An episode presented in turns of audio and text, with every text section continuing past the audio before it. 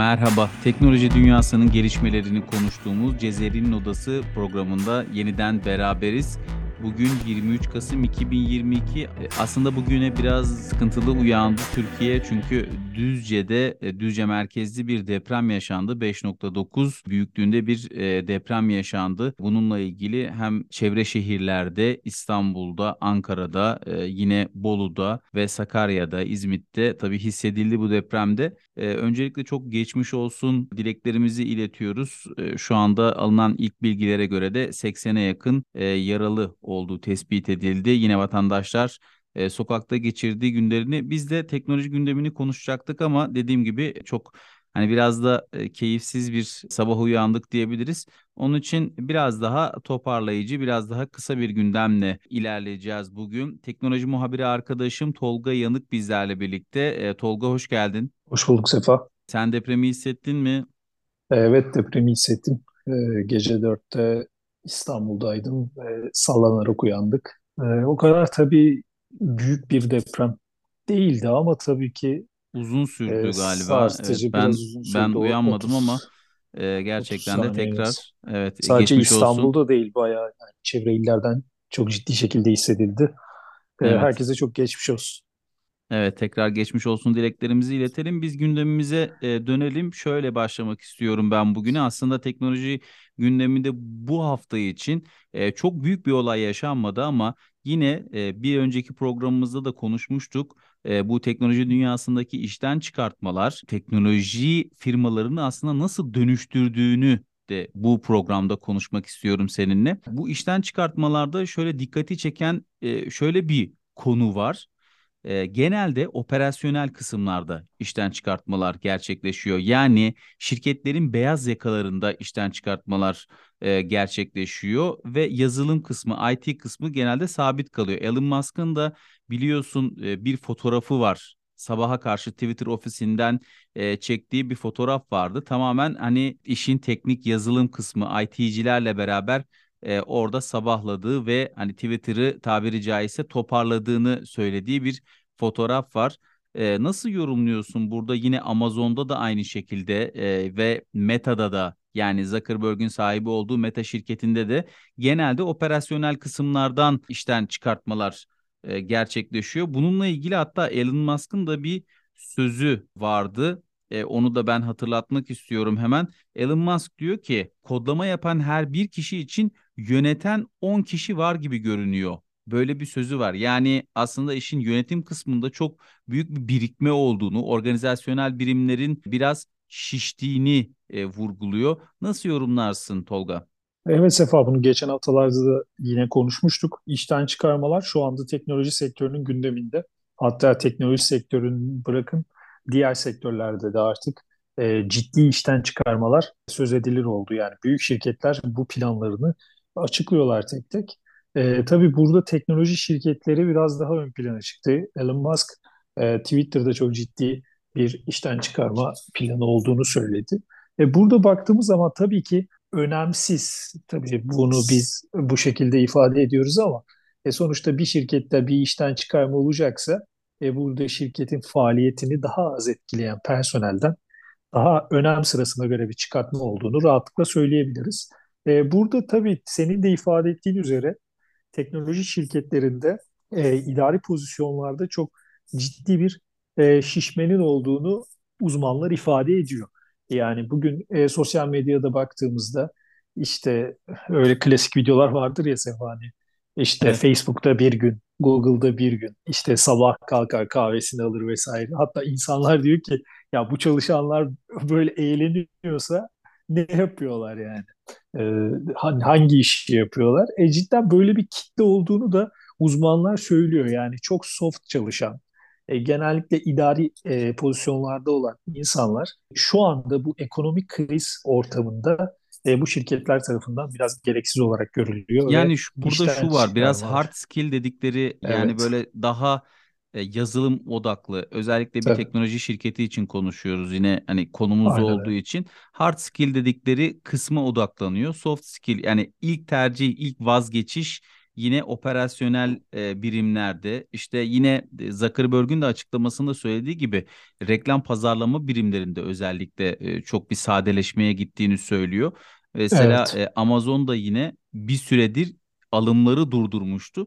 Ama şu var işte yazılım kısmında ya bir teknoloji şirketinin ana omurgası tabii ki işin yazılım kısmı. Yani programın çalışması, operasyonel kısımlarda elbette ki ihtiyacı olacak ki Elon Musk'ın özellikle Twitter tarafında e, çok ihtiyacı olacak. Çünkü hani yazılımdan ziyade biliyorsun banlanan şeylerin açılması, bu Twitter Blue'nun yani tekrar gündeme alınması ile ilgili e, projeler var ki bunlar da operasyonel kısımlarda e, şey olacak, etkili olacak. Özellikle e, bir para ödüyorsunuz, para ödeyeceksiniz işte aylık kaç dolardı? 8 dolar mıydı? 8 dolar evet. 8 dolarlık bir e, şeyi var, e, ücreti var Twitter Blue için planlanan şu anda.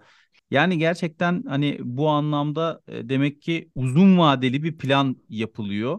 Uzun vadeli bir gözlem var. E, demek ki böyle bir Evet. e, Yani tasarrufa gidildi bu anlamda. Ya evet yani şöyle benim şahsi yorumum şu tabii ki yani bunların hepsi ekonomik kaynaklı yani ekonomik temelli. Çünkü bu kadar fazla çalışanı istihdam ederken bir sıkıntı olmamış demek ki. Yani çünkü o zaman muhtemelen reklam gelirleri fazlaydı. E, daha bol, paranın bol olduğu bir ekonomik ortam vardı. Ve büyük şirketler de bu şekilde istihdamı yapmışlar ama geldiğimiz noktada e, direkt senin de ifade ettiğin üzere operasyonel anlamda daha az şirketi etkileyecek personelleri çıkarmaya başladılar. E tabi burada geçen hafta da söylemiştim. E, eski Facebook çalışanı. Onun şöyle bir ifadesi var. Bir çalışan. Twitter'da yazmış. İsmi şu an hatırıma gelmiyor. Diyor ki yani ben Facebook'ta çalışırken 200 kişiydik diyor. E, şirkete binlerce insanın alınacağı söyleniyordu ve biz buna anlam veremiyorduk diyor. E şimdi e, geldiğimiz noktada bu şirketlerin binlerce çalışanları var. Tabii yani e, Elon Musk belki burada haklı da olabilir. Yani Twitter Blue'yu e, uygulamaya sokacak. Ben açıkçası Twitter'da operasyonel anlamda son kullanıcıya yansıyacak bir e, durumun olmayacağını düşünüyorum bu işten çıkarmalar dolayısıyla. E, Ama belki burada da şöyle bir durum var. Sonuçta bir şeye para ödüyorsanız oradan bir hizmet bekliyorsunuz demektir. O Tabii, hizmetin de tabii ki. karşılığında bir muhatap bekliyorsunuz demektir. Orada da Evet, Twitter Blue hizmetinde muhtemelen operasyonel anlamda para kazanmaya başladıkça belki şirket daha iyi kar etmeye başladıkça yeniden alımlar olacağını düşünüyorum. kesinlikle. Ee, orada da işte bölgesel tercihler yapılacaktır, operasyonel tercihler yapılacaktır. Bu e, şu anda Amerika'daki işte resesyon özellikle Silikon Vadisi'nde çok ciddi bir e, paniğe yol açtığı için belki de e, böyle bir önlem alıyorlar. Yani bu orada geçici bir şey de olabilir. Yani iki evet sene evet sonra evet çok farklı şeyleri konuşuyor olabiliriz. Öyle bir durum Kesinlikle. olabilir. Çünkü çünkü karlılık stratejisine baktığımız zaman şimdi pandemi geçti. Üzerinden şu anda işte Rusya-Ukrayna savaşının etkileri yani küresel biz ne kadar hani bazı şeyleri bölgesel olarak değerlendirsek de e, ucuca bağlandığında tabii ki maalesef bazı şeyleri etkileri oluyor. Domino taşı e, etkisi, domino etkisiyle beraber bütün sektörleri etkiliyor. E, ve şu anda dünyada küresel anlamda baktığımız zaman da e, en üst düzeyde teknoloji şirketleri en üst düzeyde gelir anlamında baktığımızda yer Tabii. alıyorlar. Daha önce petrol şirketlerinin yer aldığı yerleri devraldılar. İşte Apple olsun, Twitter olsun, Facebook olsun, Google olsun, YouTube e, hani onların yine alt şirketleri Meta. E, bunlarda da işte e, özellikle Meta'daki ka- kaybı konuşmuştuk gelir kaybının ne kadar Evet. ciddi bir gelir kaybı olduğundan bahsetmiştik. Tabii burada da böyle bir önlem alınması gerekiyordu belki de. E, ama uzun vadede ne olacak? Tabii bunu da göreceğiz. Hemen şuna dönmek istiyorum. Elon Musk operasyonel anlamda ne kadar hani Twitter'da işten çıkarma olduğundan bahsetsek de e, bir anlamda geriye dönük bazı şeyleri de değiştirmeye başladı. Özellikle daha önceden e, askıya alınan, banlanan, kapatılan bazı hesaplar vardı. Birçoğunun Türkiye merkezli olanlar da dahil olmak üzere birçoğunun geri döndüğünü gördük ve bunlardan da en önemlisi tabii Elon Musk'ın da duyurduğu şekliyle freedom of speech dediği işte yani ifade özgürlüğü, konuşma özgürlüğüne yönelik alınan bir karar. E, bu kararda da tabii ki bildiğimiz gibi e, kim var? Donald Trump var, ABD eski başkanı. Onun hesabını tekrar aktive ettiler. E, fakat Trump kendisi biliyorsun Amerika'da bambaşka bir teknoloji şirketi, yine bir e, sosyal medya şirketi kurdu, Truth Social diye. Oradan devam edeceğini söylemişti. Ne düşünüyorsun Donald Trump'ın geri gelmesi hakkında? Şöyle Donald Trump benim de şahsen takip ettiğim, Twitter'daki paylaşımlarını çok yakından takip ettiğim ilginç bir figürdü. Yani kimse şunu reddedemez. Trump bence Twitter'ın en önemli aktörlerinden biriydi. E, tabii ki ABD seçimlerinin e, kızışmasıyla beraber Trump Twitter'da tabii tansiyonu arttırınca çeşitli yaptırımlar da beraberinde geldi. E, bu yaptırımlar haklı mıydı, haksız mıydı? Bu konuya girmek tabii ki bilmiyorum yani bizim şeyimizde değil ama bu geri dönüşü ben olumlu buluyorum. Çünkü e, bu platformların biliyorsun Sefa temel mottosu ifade özgürlüğü. Eğer böyle çok uç fikirler, işte insanları, toplumları hedef gösteren, tehdit eden vesaire bu tarz ileri söylemleri içeren şeyler dışında ben bu platformlarda kesinlikle işte kullanıcı e, kısıtlamasına karşıyım. Trump tabii Twitter'dan geri dönüş, Twitter'a geri dönüş yapar mı? E, bence yakın süreçte yapmayacağını düşünüyorum. Ama yapabilir Burada de biliyorsun. şunu değerlendirebilir. Evet yani aslında çılgınlıktan ziyade bir de e, gerçekten sözün gücü çok önemli. O da evet. e, tekrar aday olduğunu açıkladı. E, ben döneceğini düşünüyorum çünkü evet, gerçekten aday yani. evet yani başkanlık adayın adaylığını açıkladıktan sonra e, 2024 için e, orada da yani yine erken konuşmayalım ama orada da bir sözünü kullanması, oradan da duyurularını yayınlaması evet. etkili olacaktır diye ya düşünüyorum. Şöyle bir durum var. True Social'ı kurdu. Twitter'dan engellendikten sonra bir sinirle kurduğunu düşünüyorum. E, True Social mesela ben de kaydoldum ama şu anda mesela Amerika dışından erişim True Social'a yok. E, True Social e, mesela application'ı kullanan biri olarak söylüyorum.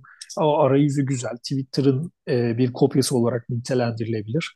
Ancak tamamen bir Trump yanlarına ait bir sosyal mecra. Yani sosyal mecra sosyal mecraların özellikleri zaten farklı görüşteki insanları bir araya getirebilmesi. Ben True Social'ın başarıya ulaşacağını yani düşünmüyorum. E, çünkü orada şey bir ortam yok. Yani e, farklı görüşlerin seslendirildiği bir ortam yok. E, Trump'ın da oradan bir e, fayda sağlayacağını da düşünmüyorum. Çünkü Trump sadece kendi kitlesine hitap eden bir insan değil. E, dünya sonuçta Amerika Birleşik Devletleri e, tüm dünyayı söylemleriyle etkileyen bir devlet ve farklı ülkelerdeki insanları da seslenmesi açısından sen senin de bahsettiğin üzere Trump'ın e, seçimine doğru veya daha öncesinde ben Twitter'a döneceğini düşünüyorum. Belki hiç dönmez, belki farklı bir platform tercih eder, onu da bilemiyoruz ama ben ya burada şu mesele, evet burada şu mesele. Şimdi dar bir çerçevede ama çünkü niye diyorsun ki onun sahibi Donald Trump diyorsun ve Tabii. hani orada o görüşleri yer verecek. Hani burada tabii ki doğru gerçeklik konusu post-truth e, dönemden bahsediyoruz. Yani gerçek ötesi dönemden evet. bahsediyoruz ve bunun içerisinde yaşıyoruz ki Anadolu Ajansı da mesela yani bununla ilgili bir adım atıp teyit hattını e, kurdu. Gerçekten yani doğrulamaya bir şeyin haberin doğruluğuna o kadar hasretiz ki dijital dünyada böyle bir adım atmak zorunda kaldık. Yani hani Anadolu Ajansı olarak da öyle söyleyebilirim. Çünkü doğrulama servisleri olmadığı takdirde çok ciddi manada tabiri caizse dijital medyada çok ciddi bir yalan sarmalı var. Yani bunu Tabii. da konuşmak lazım. Çünkü Manip hani manipülasyon, manipülasyon var. Hani hesapların kapatılmaması, açık tutulması, ifade özgürlüğünden bahsediyoruz ama ifade özgürlüğü eşittir demek değildir ki her isteyen istediği gibi insanları Tabii. manipüle edecek demek değil. Ee, özellikle Kesinlikle. bu e, yakın dönemde yaşadığımız Taksim'deki terör örgütü PKK'nın bombalı saldırısının e, ardından yaşanan şeyler, e, ortaya çıkan videolar, işte patlama görüntüsü diye sunulan şeyler. Yani burada insanların hassasiyetlerinin de olması lazım. Ee, bazı medya organlarının da hassasiyet göstermesi lazım. Yani sosyal medya teknoloji sana böyle bir imkan veriyor diye herhangi bir süzgeçten geçirmeden bir etik bir ahlaki süzgeçten geçirmeden yayınlamamak gerekiyor diye düşünüyorum. Burada Kesinlikle. da post-truth, post-truth meselesi çok önemli. Yani doğrulama servisleri hakkında ne düşünüyorsun? Ya doğrulama servisleri şöyle objektif olarak yorumum şu kesinlikle olması gerekiyor. Fakat doğru yalan yalana oranla daha az tercih ediliyor. Yani siz bir şeyi doğrulasanız da o yalanın yayılma hızına karşılık e, çok yavaş bir şekilde yayılıyor daha. E, insanlar doğruyu daha az tercih ediyor diyebiliriz. Ya E bizim tabii ki hani olması Türk bir gerekiyor. bir şey vardır ya bir söz vardır ya doğru pabuçlarını giyene kadar yalan dünyayı dolaşır diye. Aynen öyle. Çok Gerçekten güzel, böyle çok bir güzel. E, böyle bir şey var, böyle bir gerçeklik var. E, Ben de dinleyicilerimize şunu tavsiye ediyorum. Anadolu Ajansı'nın teyit hattını da e, kesinlikle takip etsinler. Orada da özellikle mesela işte bu bombalı saldırıyla dalga geçildiğine dair bir şey vardı, bir video vardı. Orada aslında video hani saldırının gerçekleştiği zamandan önce konu bambaşka, içerik bambaşka. Fakat maalesef o videoda insanları galeyana getirmek için kullanıldı. Bunun tabii ki doğruyla gerçeğin ayırt edilmesi konusu da çok önemli. Dijital medyada çok dikkat etmemiz gereken şeylerden. Teknoloji hayatımızın içerisine öyle bir girdi ki telefonlar elimizden düşmüyor. Bir yandan sürekli bir bilgi akışı var. Ama işte dediğim gibi burada da doğruyu yanlışı ayırt etmek çok önemli. Tabii burada şimdi şöyle bir şey de var Sefa. Vatandaş gazeteciliği işte o citizen journalism dediğimiz olay. E, bunu mesela Elon Musk Twitter'da çok önemsediğini sıklıkla ifade ediyor. Hatta bu ara Elon Musk'ın tweetlerini takip ederse dinleyicilerimiz altında Latince bir söz yazıyor. Sözün anlamı şu, halkın sesi, Tanrı'nın sesi.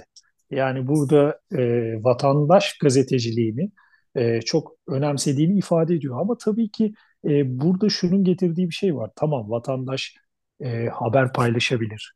E, gördüğü önemli şeyleri sosyal medya hesaplarından ifade edebilir. Bu çok doğal bir şeydir ve güzel bir şeydir ama e, senin de ifade ettiğin üzere yani terör olaylarından tutun çok basit bir şeylerde bile. Mesela ünlüler durmadan öldürülüyor. Mesela bir gün kalkıyoruz işte Evet, şu evet, filmin oyuncusu maalesef, öldü. evet. Yani yedi sekiz kere öldürülen insanlar var. İşte başsağlığı yayınlayanlar, ona inananlar vesaire. E tabii ki burada sosyal medya mecralarında senin de ifade ettiğin üzere ajansımızın da e, bu konuda öncü bir adım oldu, teyit attı. E, burada doğrulama platformlarına, e, bu tarz mekanizmalara kesinlikle ihtiyaç var. E, çünkü kötü niyetli insanlar çok fazla. Yani en umursamayacağınız konuda bile hemen bir yalan üretip oradan etkileşim almaya bakıyorlar. E, bu konuda biraz daha medya okuryazarlığına yönelik çalışmalar ve işte bu teyit çalışmaları çok büyük önem arz ediyor. Ya medya okur, okuryazarlığından bahsetmişken e, bu anlamda e, sadece şu minvalde bakmıyorum ben de. Hani sosyal medyayı doğru kullanmak, dijital medyayı doğru kullanmak bazı sorumlulukların da olduğunu e, bilmemiz lazım. Özellikle yani normal hayatta söylediğimiz sözden, yaptığımız işlerden nasıl sorumluysak dijital medyada da paylaşımlarımızdan, videosundan, fotoğrafına, metinlere kadar hepsinden sorumlu olduğumuzu bilmek lazım. Yani sosyal medya medya okuryazarlığını bir anlamda buradan da okumak lazım. Bu da çok önemli. Ee, dedi e, başta da söylediğim gibi e, bugünkü programımızı çok e, uzun tutmayacağız. E, tekrar tekrar e, geçmiş olsun dileklerimizi iletiyoruz. E, Düzce depreminde e, yaralılara e, acil şifalar diliyoruz. E, Çok şükür şu ana kadar herhangi bir hayatını kaybeden vatandaşımız e, bildirilmedi. E, bununla ilgili de inşallah gelişmeleri takip ediyor olacağız. Teknoloji dünyasının gelişmelerini konuştuğumuz Cezayir'in Odası'nda e, bu haftalık e, bu kadar diyoruz. Kıymetli dinleyicilerimize bizi de takip ettikleri bütün e, sesli mecralardan e, Anadolu Ajansı'nın bütün programlarına abone olmalarını tekrar buradan hatırlatıyorum. Cezayir'in Odası'ndan bugünlük bu kadar. Hoşçakalın.